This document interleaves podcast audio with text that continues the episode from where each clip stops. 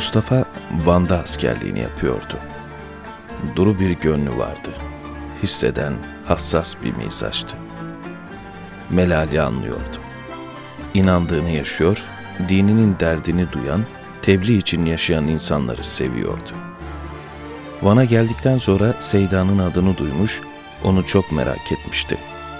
Anlatılanlardan onun sonsuzluk kervanının altın halkalarından birisi olduğu kanaatine varmıştı.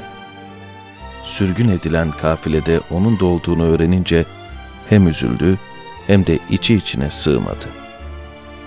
Acaba kafileye katılabilir, hizmetini görebilir miydi? O kutsi başın muhafızı yanında olmalıydı.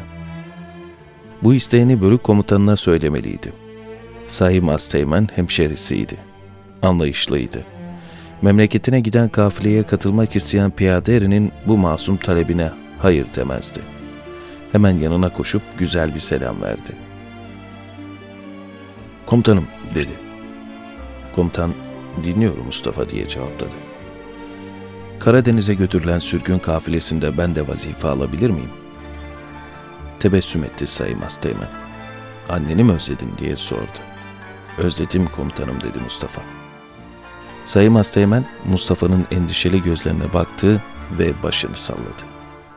Olur dedi. Yola çıktıklarında Mustafa hep Seyda'yı aradı. Bir baş yüceyi görmek, bir erenle tanışmak istiyordu. Eteğine dökülen hediyeleri yakalayamasa da farkı fark etmek. Neyse onu işte duymak, bilemeden, düşünemeden. Seviyordu, arıyordu.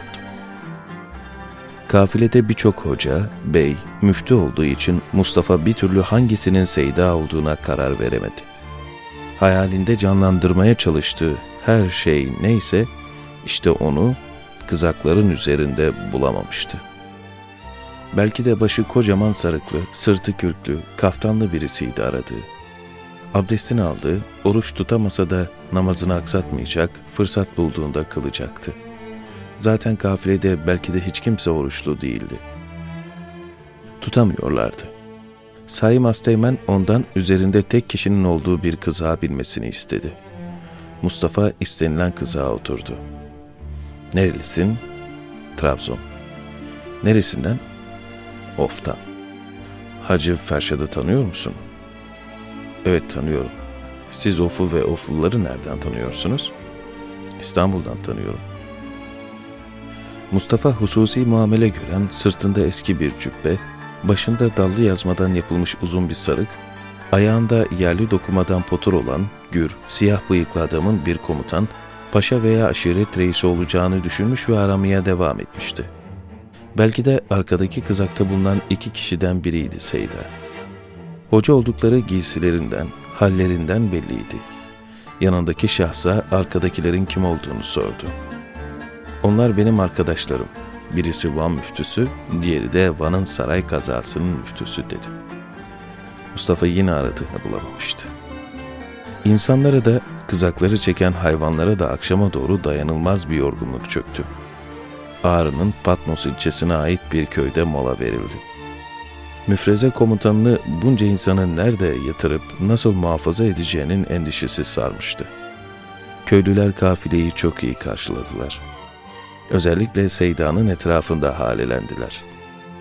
Herkes onun için bir şeyler yapmak, ona ufacık bir şeyle de olsa yardımda bulunmak istiyor, buna can atıyordu.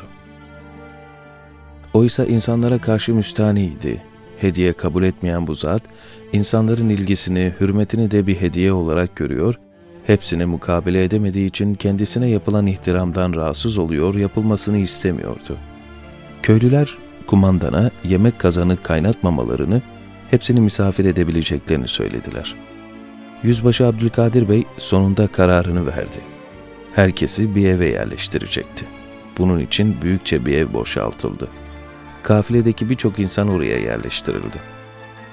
Seyda onca yorgunluğa rağmen dinlenmeyi, yatıp uzanmayı düşünmüyordu.